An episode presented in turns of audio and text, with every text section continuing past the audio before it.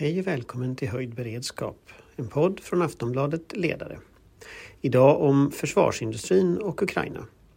Har vi egentligen vad som krävs för att backa upp den ukrainska krigsinsatsen? Även när kriget kan dra ut kanske ett år till. Och så kommer det positiva signaler om Nato. Men panelen är ganska kallsinnig. Välkommen! Vår beredskap är god.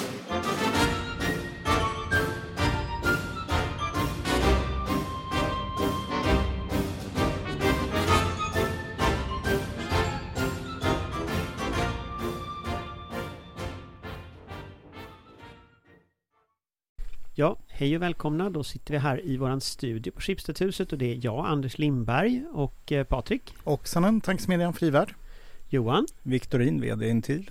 Och Amanda som befinner sig långt bort. Äh, så långt bort är det inte. Amanda Bonstad, Svensk Tidskrift, befinner sig för tillfället på Bofors hotell.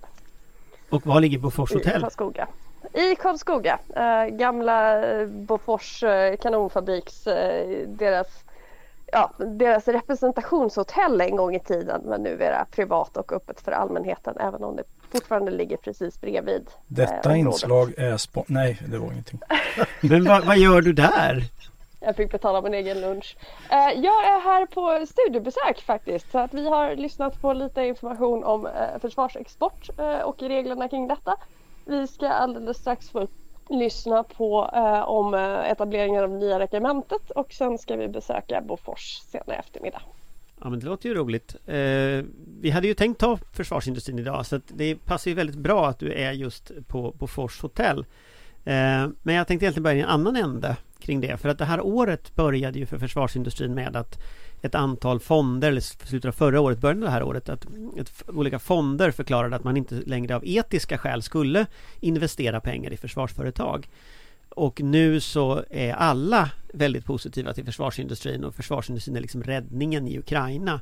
Så man kan fundera lite på vad det var som hände här. Jag vet inte, Johan? Ja, det som hände var ju att eh, verkligheten träffade teorierna kan man säga. Och vi har en stat som slåss för sin existens och människorna som bor där de behöver vapen för att slåss med. Mm. Och de behöver mycket annat också förstås. Även eh, demokrati och suveränitet kan betraktas i ett hållbarhetsperspektiv. Och det här hade man ju inte riktigt tänkt till hos olika konsulter som har sålt in hållbarhetsindex och annat till de här Vil företagen. Vilket är väldigt spännande eftersom det faktiskt i FNs hållbarhetsmål är fred och eh, starka institutioner va? som är ett av hållbarhetsmålen. Men jag tänker att det finns något ganska fascinerande här i, liksom synen på vad som är säkerhet. För vi har pratat om ett breddat säkerhetsbegrepp under väldigt lång tid. Eh, där ju naturligtvis fysisk säkerhet är en viktig del i, i en breddad säkerhet. Eh, mm. Ändå hamnade vi i början av året i en sån diskussion. Alltså om du ska utveckla lite Johan. Va, varför tror du att vi hamnade där vi hamnade i den diskussionen som var? Nej men det är ju en trend i att man tittar över sin hållbarhet och livscykel och då var det definierat så eh, av många att det här var då ett eh, tveksamt område får man väl uttrycka. Det var väl inte så att man var egentligen mot det här men då väljer man kanske lite mer better safe than sorry och, och försöker porträttera sig då som eh, extremt etiskt Eftersom det är fult att döda och sådana saker. Så det, eh, det, är ungefär där man hamnar tror jag. Jag tror att det finns en kognitiv dissonans också i, i, i det här. Därför att många när man börjar prata breddad säkerhetsbegrepp och, och lägga in massa saker i det då tappade man bort eh, den, den hårda säkerheten. Man, man distanserade sig från den hårda säkerheten. Började tänka bort den och började tänka att den är otäck och eländig och, och så landar man någon annanstans och så var man lite vilsen i, i djungeln helt enkelt.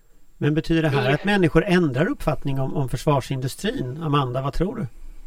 Ja, det tror jag absolut. Alltså i stort sett så har det ju handlat om en, en eh, feghet och någon form av idé om corporate responsibility som har gått över all rim och reson, både rent etiskt men också vad man egentligen kan kosta på sig att ägna sig åt som företag, banker som till exempel, det var flera banker i början av eh, invasionen nu i februari ville ju inte eh, bistå med överföringar till Ukraina. Man hindrade överföringar till eh, ukrainska riksbankens insamlingar till förmån för den egna militären. Pengar som Eh, fonder som den svenska eh, riksdagen enigt skickade stora summor till fick man inte som privatperson skänka pengar till enligt Handelsbankens eh, villkor till exempel.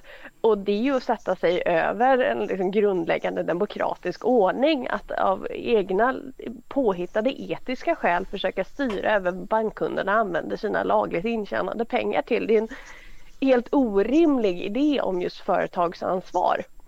Men jag tror absolut synen har eh, förändrats just att vi har förstått att vapen och kulor och krut tyvärr är det yttersta försvaret för frihet och demokrati. Och detta oavsett hur osmakligt eh, vi, vi tycker att det är och hur mycket vi önskar att vi skulle vara bortom det så är det slutligen där framtiden avgörs. Eh, och det enda etiska i det här läget är ju naturligtvis att stödja Ukraina med de vapen de behöver för att försvara sig själva och för att försvara Europa. Jag vill bara uttrycka en liten parentes här. Jag håller med dig i sak Amanda men jag vill ändå försvara friheten för företag att vara korkade och fatta beslut som gör att kunderna drar eh, så i sin affärsidé.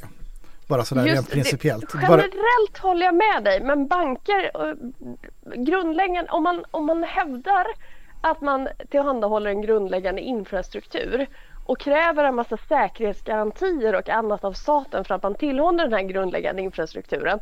Då ska man liksom lika lite som posten gå in och kolla vad kunderna håller på med så länge de håller sig inom lagens råmärken. Så att visst, är man ett helt privat företag och tar sina egna säker, liksom ansvar för sina egna säkerhetsgarantier och sin egen eh, liksom, Eh, för att baila ut sig själv i kris, då får man vara precis hur korkad man vill. Om man vill ha någon form av skydd av staten för att kunna driva sin verksamhet, då får man också sköta, hålla sig till vissa spelregler. Jag vill också bara kort mjuka upp det där lite grann för att bankerna måste också förhålla sig på ett penningtvättsdirektiv. Så att det är inte så enkelt. Men, men om, man, om man ska gå tillbaka lite till själva frågan som jag funderar på. För att varför jag inledde så var ju också för att det finns ju ett antal utmaningar nu som försvarsindustrin står inför. Och om man liksom går tillbaka lite i det historiskt i svensk debatt så har vi ju under väldigt många år motiverat en väldigt liksom, omfattande försvarsindustri i Sverige. Först en svensk försvarsindustri, sen så blev den ju utlandsägd i allt högre utsträckning så man pratar ju nu om en försvarsindustrin i Sverige. Eh, men, men utifrån alliansfriheten, att vi utifrån alliansfriheten behöver ha försvarsforskning, försvarsindustri, eh, en industriell kapacitet i Sverige. Eh, helt enkelt därför att vi inte kan lita på att andra kommer när, när det behövs. Nu har ju det här ändrats, den är internationaliserad, värdekedjorna går kors över alla gränser har vi sett. Men, men vi står ju ändå i ett läge nu när Ukraina ska rusta upp, resten av Europa rustar upp, USA rustar upp, alla ska beställa samma materiel. Eh, och samtidigt så går rätt mycket kulor och krut åt. Så att liksom om man börjar Johan i den liksom problembilden, vad står vi egentligen inför för så att säga problembild när man tittar på försvarsindustrin? Alltså den absolut största problembilden är ju produktionskapaciteten i försvarsindustrin och till och med den amerikanska försvarsproduktionskapaciteten eh, är ju också kanske inte vad man önskar att den vore från amerikansk horisont sett. Att det är helt riktigt som du beskriver att man har varit en av pelarna i den gamla alliansfriheten. När muren föll så skyndade man sig då och sätta världsmarknaden till, marknaden till förfogande. Man talar om att vi kommer inte lägga de här beställningarna på svensk försvarsindustri. Eh, och sen så börjar man efterhand börja begränsa det här med olika försvarsmaterielexportregler. som också har ju en bäring till det vi pratade om förut med ESG-bitar. Eh, där har man väl så småningom eh, landat in i någonting som alla då mer eller mindre accepterar.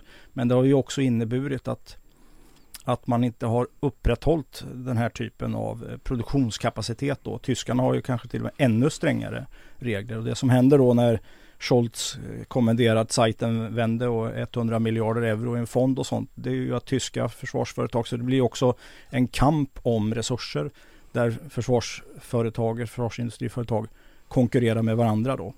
Och då är man då en liten spelare, då är det lätt att man får köpa gårdagens teknik till morgondagens priser.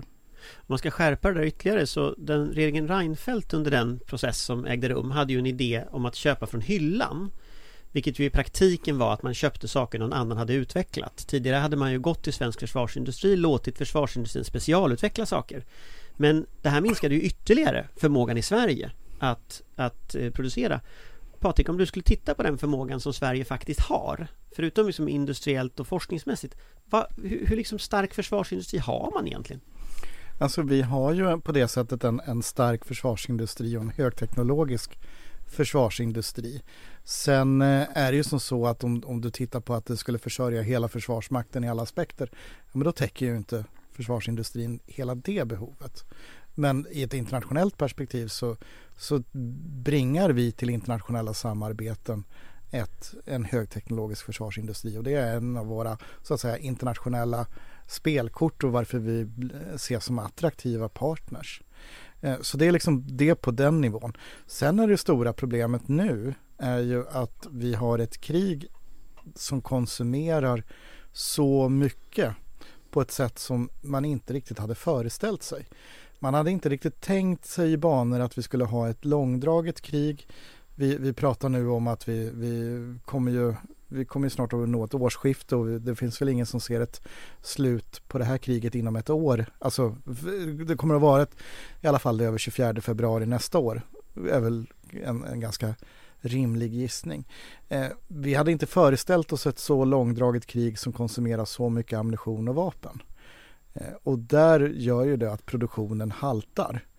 Eh, och det finns olika exempel på siffror som vi kan, kan gräva fram om det är någon som har en telefon och, och ta fram dem, för jag har dem inte i huvudet men, men eh, eh som visar liksom att eh, man konsumerar mer i Ukraina på en månad än vad USA producerar på ett år i vissa typer och så vidare.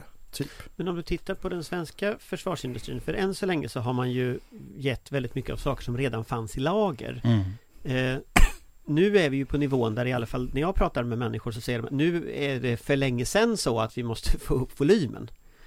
Va, va, va, vilka chanser finns det att få upp volymen egentligen i väst? Då menar jag inte bara Sverige utan Rheinmetall i Tyskland, franska försvarsindustrin, amerikanska. Alltså Kommer vi att kunna försörja Ukraina på det sättet? Eller måste vi ge ännu mer av det vi faktiskt själva har i lager? Det beror på vilken kapacitet vi vill, vill lägga in. Ja, om resurser vi lägga in. Eh, robotar, ja. alltså den typen av saker som verkar gå åt i en hisklig takt. Ja, men det, min poäng här är egentligen eh, är har vi förstått att vi är i en kris som innebär att vi måste mobilisera samhällsresurser för att göra en omställning. Vi såg det i pandemin, eh, hur olika företag ställde om då till att börja eh, göra ventilatorer, eh, plötsligt börja göra medicinsprit, handsprit som egentligen sysslade med andra saker. Eh, då gjorde man en omställning av industrin för att möta krisen. Den mobiliseringen har inte jag sett något land i väst göra ännu. Men den är ju fullt möjlig. Men den kommer att kosta pengar och, och någon måste peka med hela handen. Amanda? Uh, nej men det är ju precis som Patrik säger, vi har ju sett det här ske innan. Det gick ju otroligt fort när besluten väl var tagna och uh, bland annat faktiskt försvarsindustrin. Saab ställde ju om eh, och började tillverka skyddsutrustning istället för kamouflagenät och annat. Eh, men även eh, kosmetikaföretag, destillerier, alltså sprittillverkare och så vidare ställde om produktionen för att börja. Så att jag menar, vill man så går det ju i ganska stor utsträckning. Sen har ju man har ju längre gående problem. Eh, man har ju försökt bygga upp sin förmåga ganska länge inom försvarsindustrin. Man har ju inte minst problem med kompetensförsörjningen. Uh, och det är ju ett bekymmer som stora delar av företagen i Sverige dras med på många sätt. Men det är klart, får man in mer ordervärde och har en, en mer uh, brådskande produktion så kan man naturligtvis erbjuda högre löner vilket ju är en konkurrensfördel. Uh, men det behövs ju en, en krisinsikt. Jag tror inte bara att, det, att man inte hade väntat sig att det skulle bli ett så långdraget krig. Jag tror inte man hade väntat sig att man skulle få se ett så pass traditionellt och gammeldags krig eh, i en del av världen där man har eh, finansiella medel för att köpa in och försörja med. Eh, så att det är ju också en mental omställning som det känns som vi gör efter varje större konflikt som vi råkar bli involverade i egentligen. Att, att vi tror hela tiden att nästa krig blir någonting helt annat och så visar det sig att eh, så snabbt har inte utvecklingen gått. Så det är också en allmän omställning som jag tror får många länder att se över sina egna lager och verksamheter och kompetenser. Eh, för det är ju för och nackdelen. Vi, vi det material vi tillverkar generellt i Sverige håller ju väldigt hög klass på många sätt.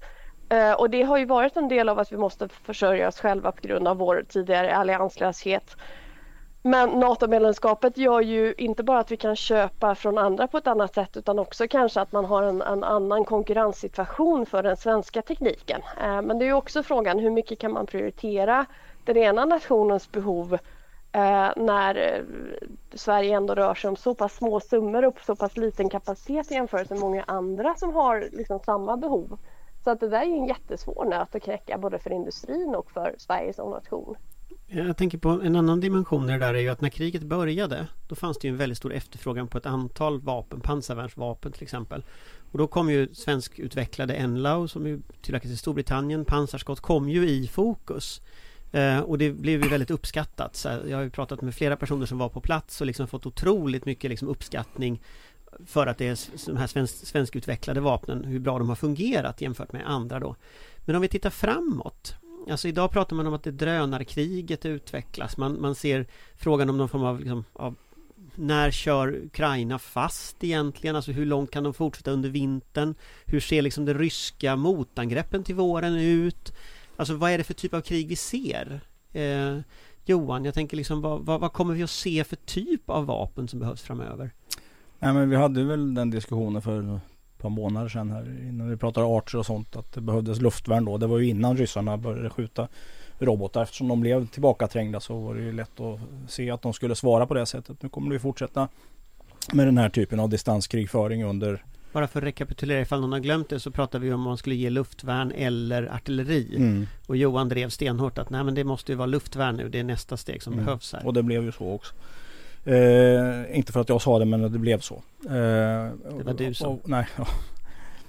Vad heter det? Nej men. Eh, Nästa steg. Tråden lite grann. Nästa steg då. Nej men till våren så kommer vi ju. Skulle kunna bedöma då att Ryssland kommer fortsätta att mobilisera ytterligare. Så det kommer vara en typ av mer lågkvalitativt eh, samma sak igen. Att man försöker bryta igenom olika linjer. Kanske på en mindre frontyta för det tror jag man har förstått att man klarar inte av. Men man måste ju liksom på något sätt försöka bryta ryggen av Ukraina. Inte kom, glömma bort här att det är ju en frågan om att, att få igenom sin vilja. Man ska ju liksom bryta motståndarens vilja att fortsätta att slåss. Och det gör man genom i det ryska agerandet genom att döda människor. Utsätta dem för fruktansvärda grejer. Eh, se till att de inte har livsuppehälle. Man deporterar folk och den typen av åtgärder då för att tvinga in folk. Och då innebär det att man kommer försöka gå i närstrid helt enkelt och försöka knäcka den ukrainska armén volymmässigt. Alltså, för det är ju en av de fördelar som ryssarna har. De har väldigt mycket volym. De är förberedda på den här typen av krigföring. Men är det tillbaka då till pansarskott och Enla och liksom den typen av vapen? Eller vad, vad ja absolut, det, precis. Och kunna bekämpa UAV tror jag är väldigt viktigt. Eh, och där skulle Sverige kunna göra en, en, bra insats tror jag. Vi har ju legat lite efter på det området tycker jag själv. Eh, rätt så ordentligt. Eh, men vi har en sån kapacitet i försvarsindustrin så vi kan nog eh, ganska snabbt komma fram med kapacitet som kan bekämpa drönare. För läser man ryska liksom eh, meddelanden till varandra och, och, och, den typen av eh, uppgifter som kommer från fronten så klarar sig inte ryssarna utan drönare nu för att kunna leda sin artillerield. Och där har ju Iran varit en, som en part som har försett Ryssland med utökad drönarkapacitet.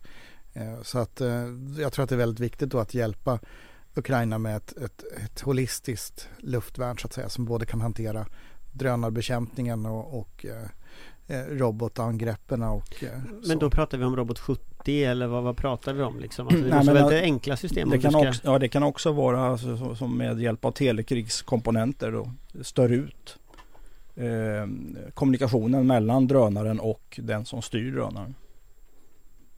Och, och, om du tittar på svensk försvarsindustri just nu, om de ska titta framåt utifrån det som händer på stridsfältet, finns den förmågan att utveckla det fram tills det att det här händer eller är det lager igen?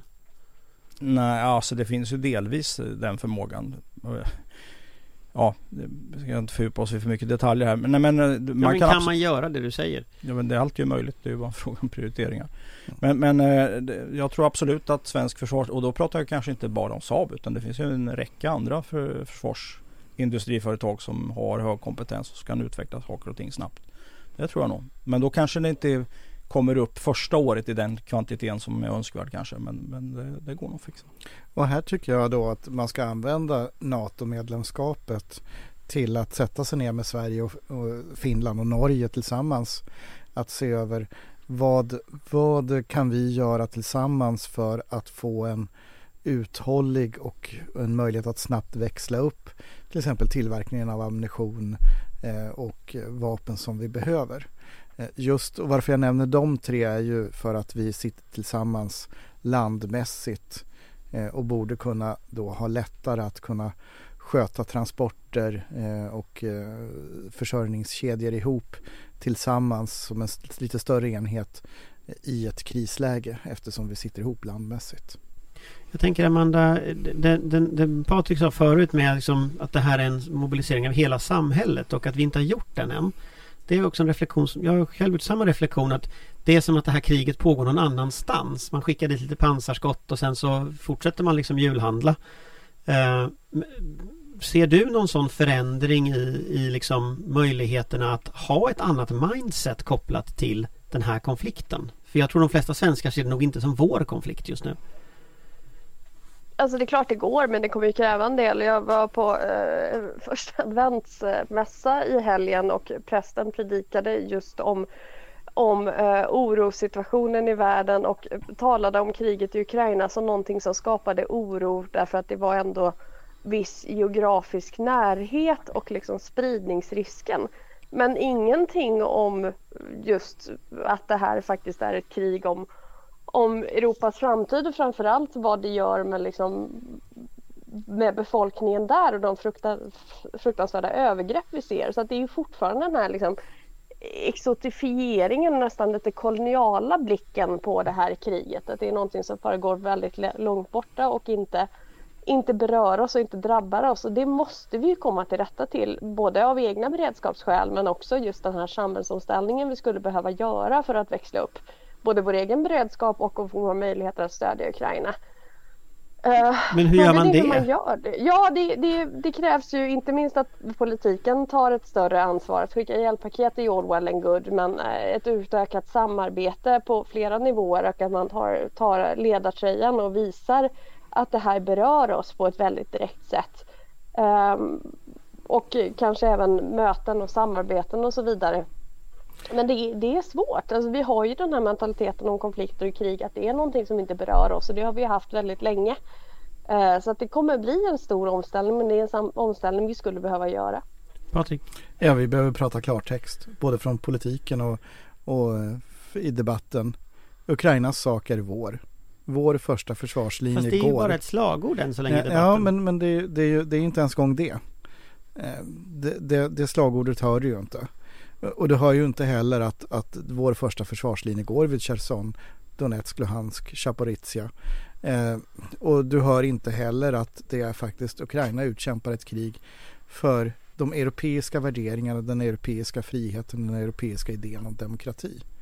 Eh, och utkämpar ett krig för bevarandet av den europeiska säkerhetsordningen. Den som vi la fast 1975 med gränsers okränkbarhet. Man ändrar inte kartan med svärdets makt. Jag noterade att min kommun hemma där jag bor hade nu plockat ner den ukrainska flaggan. Förut brukar man ha en svensk flagga och så kommunflaggan. Nu hade man det igen. Eh, vilket var en mm. intressant signal. Börjar vi tröttna Johan? Ja, nej, men det är fullt möjligt. Jag tyckte det var en jättebra reflektion från Amanda där.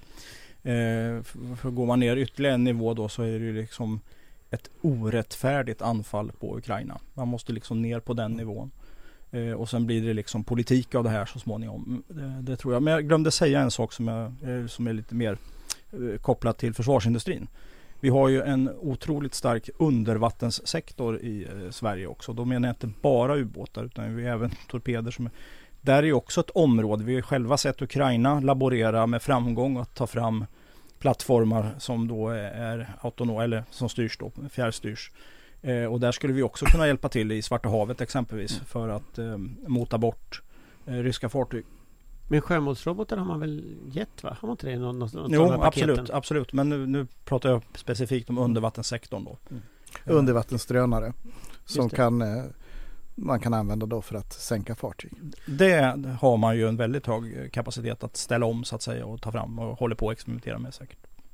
Men om vi kommer tillbaka till det mjuka, för det här är ju det hårda vad mm. man kan, men det mjuka är ju liksom viljan. Mm. Så, alltså, är, samma fråga som jag ställde till Amanda. Är vi liksom beredda att göra detta eller håller liksom det här på att på något sätt det här totalförsvarskonceptet på något sätt. Att vi har tappat det när det gäller liksom Ukraina-konflikten. Att hela samhället behöver ställa om. Att olika delar, kanske till och med att var och en av oss måste offra någonting för att besegra Ryssland i Ukraina. Mm. Ja, men, men, det är ju en syn på konflikten som... Mm, men så är det och så är det ju. Men, eh, men, vi är ju där vi är precis som du beskriver. Det vill säga att det här är en liten avdelad sektor som håller på med det här. Eh, men så är det ju inte utan det är någonting för alla. Det är inte, det är inte Försvarsmakten eller försvaret som går med i NATO. Det är ju hela Sverige som går med. Det är ju eh, allas krig egentligen i Ukraina precis som Patrik säger att eh, Ukrainas sak är ju vår. De slåss ju faktiskt för vår framtid. Och där kan ju jag som individ välja om jag vill lägga pengar och stödja den ukrainska försvarsmakten eller civilsamhällsinsatser. Eller jag noterade idag eh, med glädje som jag inte hade noterat riktigt förut att i, i, i Pressbyrån i deras eh, självbetjäningsbetalstation så finns att man kan välja att, att trycka på och skänka pengar till Ukraina via Röda Korset till exempel. Eh, så att det är väldigt välkommet att olika butiker och så tillhandahåller den möjligheten enkelt. Så jag blev glad att se det. Även om jag inte skulle egentligen sitta och göra reklam för Pressbyrån nu. Men ah, ja, det får vi väl bjuda på. Och sen är det ju så att det drabbas oss på andra sätt också. Det har ju faktiskt med eh, de nuvarande elpriserna att göra. Alltså mm. kriget påverkar ju detta. Så det blir ju väldigt kännbart för den enskilde och det bästa sättet att få ner elpriset det är ju att besegra Ryssland militärt i Ukraina. Mm. Så om man är arg på sitt elpris så ska man ge pengar i Pressbyrån ja, till absolut. Ukraina? Ja, det är väl ett väldigt konstruktivt sätt att göra det på. Och dessutom se till att spara och hushålla på din egen elkonsumtion så mycket du kan. Och, och lägga din elkonsumtion på, på eh, tider och dagar då, då läget är bättre. Det vill säga att eh, spara ihop dina tvättmaskiner till när det är lite lägre elpris och det blåser och vindsnurrorna ger el. Vår beredskap är god. Ja, Eh, och ja, det var försvarsindustrin lite grann eh, och det är ju en intressant fråga. Men en annan intressant fråga som, som har hänt nu det är ju att det har varit fördjupade förhandlingar här med Sverige och, och Turkiet och Finland. Och Tobias Billström här har ju uttalat just att, att dels att det bästa sättet eh, att, att eh, eh lösa det här är att Ryssland besegras, vilket är ett väldigt hårt uttalande. Men han säger också i de uttalanden han har gjort att nu går de här förhandlingarna bättre. Johan, Ja men det är ju jättebra om det går lite bättre och för första gången har vi ju sett Sverige ställa krav på Turkiet också vilket jag tycker är, är bra. var inte, jag var, blev väldigt förvånad över att man åkte ner till, att Ulf Kristersson åkte ner till Ankara utan att få ut någonting. Det var liksom Jag vet inte om det var rätt åtgärd i det läget. Eh, om man nu gör framsteg så är det väldigt bra och jag noterar att man har gett turkarna ett budskap om att vi ska få tag i de kriminella som håller sig undan i Turkiet. Eh, och då är det bra för då håller man inte bara på skänker efter och skänker efter och skänker efter och har den attityden utan man måste sätta hårt mot hårt där helt enkelt. Men där måste man ändå säga en annan, alltså du förutspådde ju tidigare att det här inte alls kommer att gå i höst utan det kommer att ta till nästa år eller till och med året efter det innan det här är löst. Eh, har du ändrat den analysen på något sätt efter ändå Nix. regeringens Nej. positiva Nej. signaler? Nej. Du tror inte på Billström? Eh, jag tror säkert att förhandlingarna går framåt. Men jag tror inte att det är mål förrän tidigast i höst. Det står jag fast vid, absolut. Eh, och, eh, du menar höst 2023? Ja, höst 2023. Eh, tidigast. Därför att alltså all krigföring. Turkiet har en egen politik förstås. De tittar ju på vad de kan göra i den regionen också och har olika utfallsrum som de vill ta åt sig. Och och de avvaktar och det är återigen, då kommer vi tillbaka till den här frågan om Sveriges NATO-medlemskap avgörs på stridsfältet i Ukraina. Når Ryssland framgångar där, då kommer Turkiet, kanske till och med Ungern fortfarande kunna hålla emot. De har inte lovat någonting bestämt. De har ju bara sagt under de här förutsättningarna så kommer vi godkänna det här i Ungern. Då. Men det kan ju se ut helt annorlunda ut i januari. Det vet vi ju ingenting om. Så det är ju Ukrainas slåss alltså för oss också. Eh, därför att det blir ett ökat manöverutrymme för Ryssland och exempelvis Turkiet att hålla emot en sån sak. Det kan komma upp med någon annan sak eh, som, inte, som inte duger och som gör att man inte kan ratificera det här. Men hur mycket tror du att det turkiska motståndet beror på viljan att sitta på två stolar och hur, mellan Ryssland och, och väst och hur mycket det turkiska motståndet beror på det de faktiskt säger? Eh, Så en hel del är ju inrikespolitik. Han ska ju bli omvald som president så att det tror jag är den största drivkraften. Men så vill Men det man... kommer han ju att vara nästa höst antagligen då. Ja, Om han precis. inte valfuskar riktigt ordentligt. Kanske han gör i och för sig. Ja, det är väl det han kanske gör då för att sitta kvar. Så att, Men, men efter det så att säga, alltså, hur mycket tror du? nej men alltså de vill ju managera eh, sin relation med Ryssland också. Och vi ser hur det flödar in ryska pengar i Turkiet. Vi ser hur man eh, sluter energiavtal med varandra och gör Turkiet till en gashubb. Så att det här är inte snutet ur näsan att få till det här. Och det, kommer krävas hård amerikansk press skulle jag säga. och det känns ju inte som en slump att det är Erdogan och Orban som sitter sist i den här leken. Nej men där, där tänkte jag Patrik, om man bara bygger vidare på det som Johan säger här. Alltså vad, vad Johan säger hösten 2023. Eh, vad är din bedömning? Alltså jag, har, jag är inne på, på att eh, det kommer att vara som så att eh, den riktiga kostnaden för Turkiet kommer att börja ticka den dagen Ungern skriver på. Och Ungern har ju visat sig vara ålningens mästare. Man har ju hela tiden sagt att ja, vi har ingenting invända, vi ska hantera det. Ja, vi hanterar det då i höst när det, parlamentet samlar sig och sen säger man nej, vi tar lite senare, vi tar lite senare. Och nu är det senaste beskedet någon gång i januari när, när det turkiska, vad säger det ungerska parlamentet sammanstrålar igen efter årsskiftet. Eh, om det blir då eller inte, det återstår att se. Eh, och eh, det är väl ganska tydligt att, att eh, i Ungern så blandar man också ihop EU-korterna med, med NATO-korten och eh, eh, Ungerns situation då med, med olika rättigheter som, som man har inskränkt och EU har ju satt press på det och hotat med indragna stöd ifall Ungern inte åtgärdar det där och sen kommer ett svenskt ordförandeskap vid årsskiftet också in i leken. Eh, men, men, men Ungern har ju inte haft en öppen konfrontation utan bara haft en förhalnings, förhalningstaktik i det. Eh, men den dagen Ungern eh, slutar förhala och verkligen skriver på, då är det bara Turkiet kvar.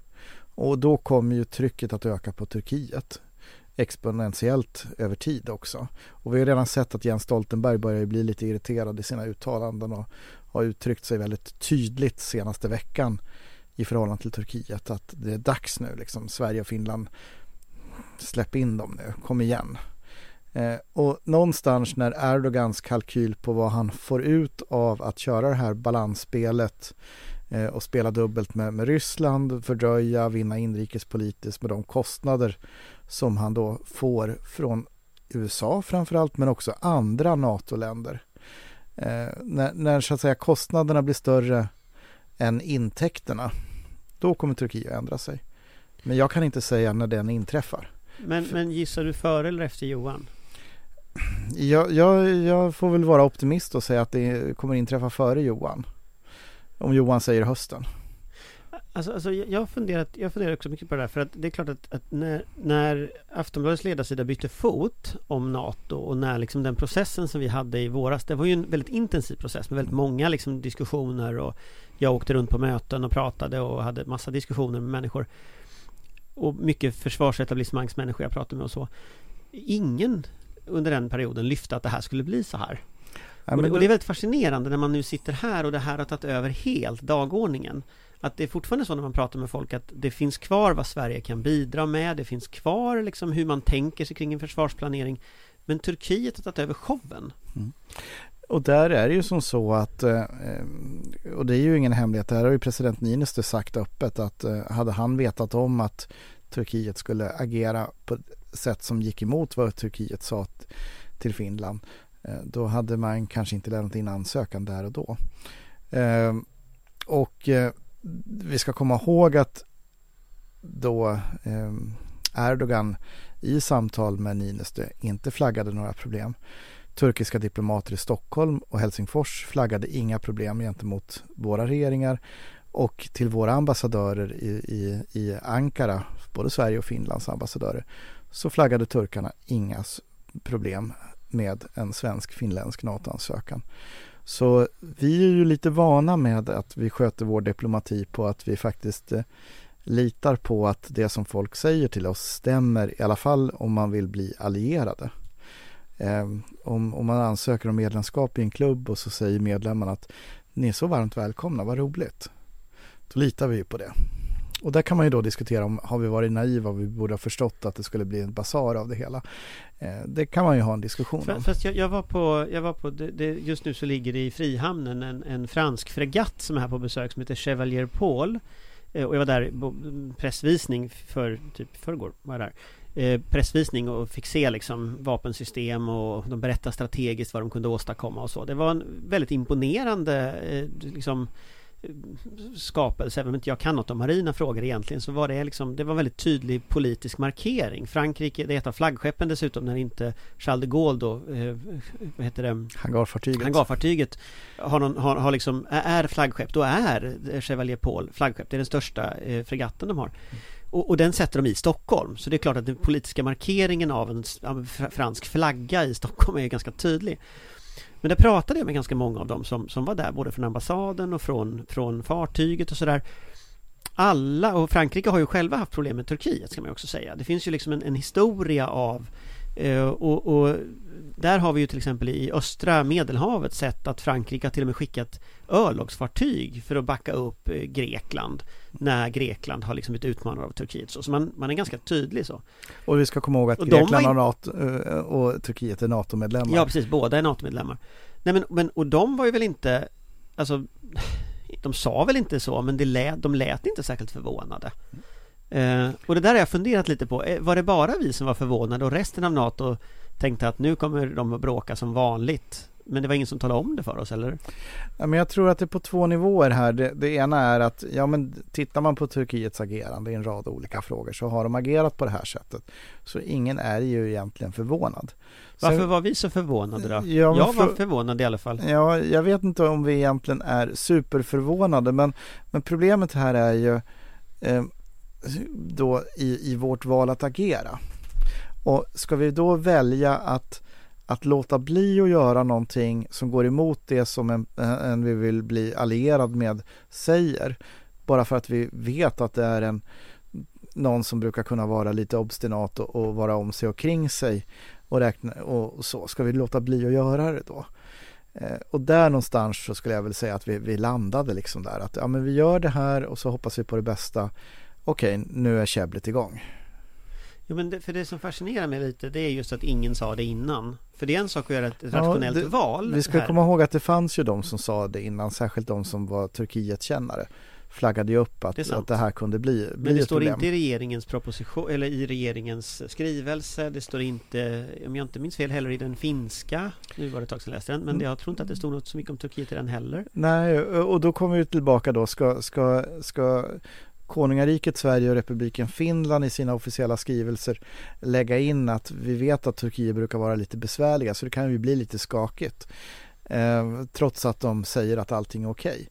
Det är ju inte riktigt så, så man skriver saker. I och för sig har du mer erfarenheter av, av hur man gör statsskrivelser i, det offentliga än vad jag har men jag har väldigt svårt att tänka mig att man, man gör det. Det är kanske en poäng. Men jag, nej, jag är bara fascinerad över hur debatten har, har blivit med Turkiet. Men om man tittar framåt, okej, okay, du är lite mer positiv än Johan i alla fall. Du tror att det kan lösa sig tidigare än, än, eh, än nästa höst.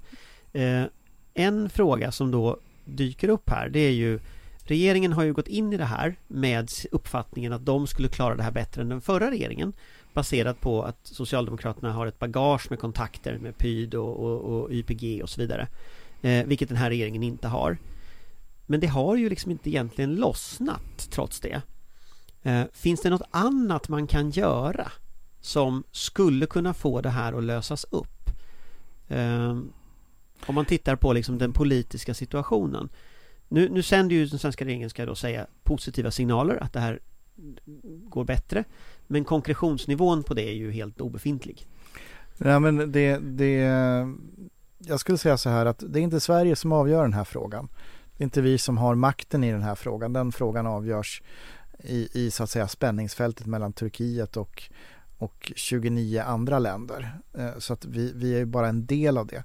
Det vi kan göra däremot är ju att, att se till så att vi gör det lättare för våra vänner att sätta trycket på Turkiet.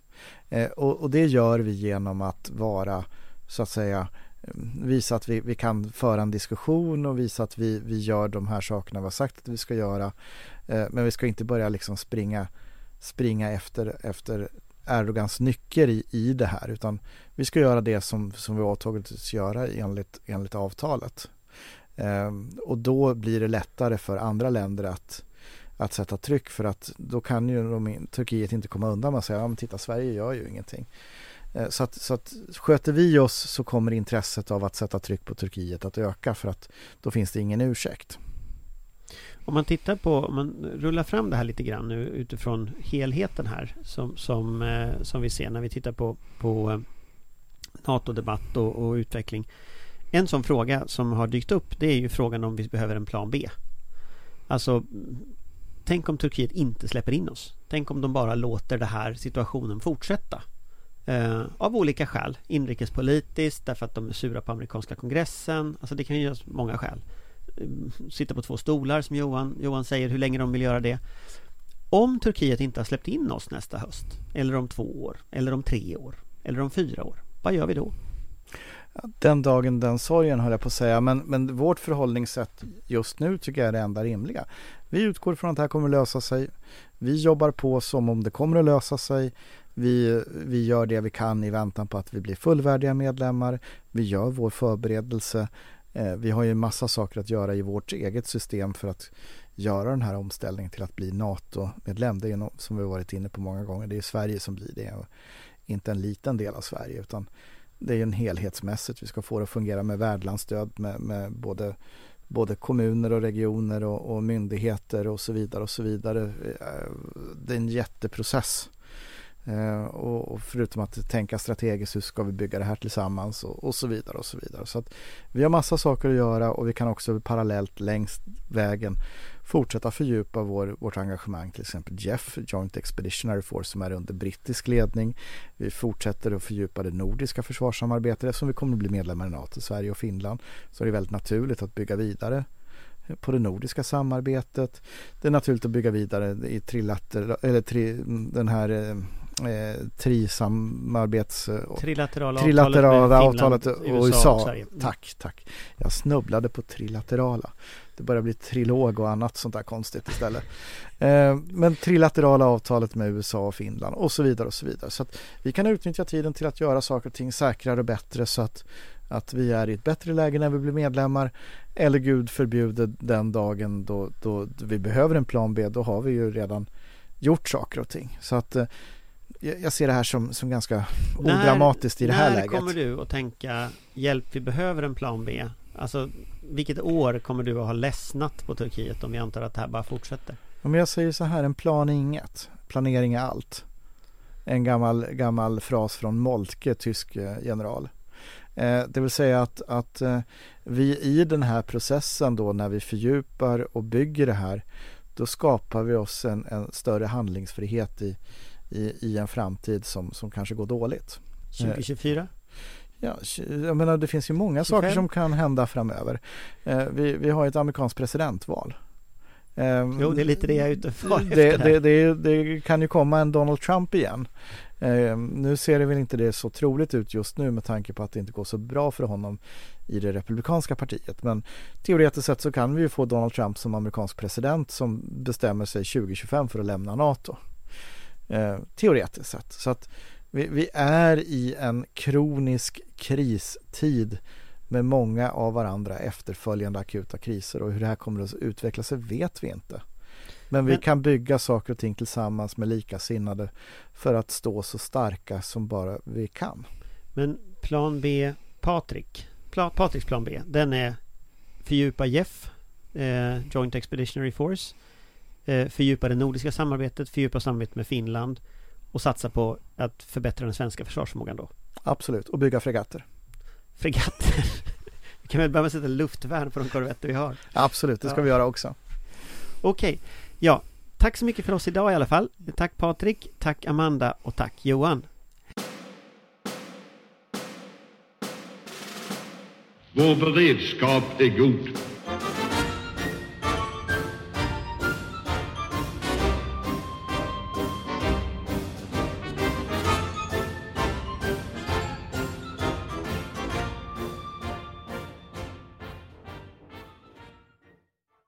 Du har lyssnat på en podcast från Aftonbladet.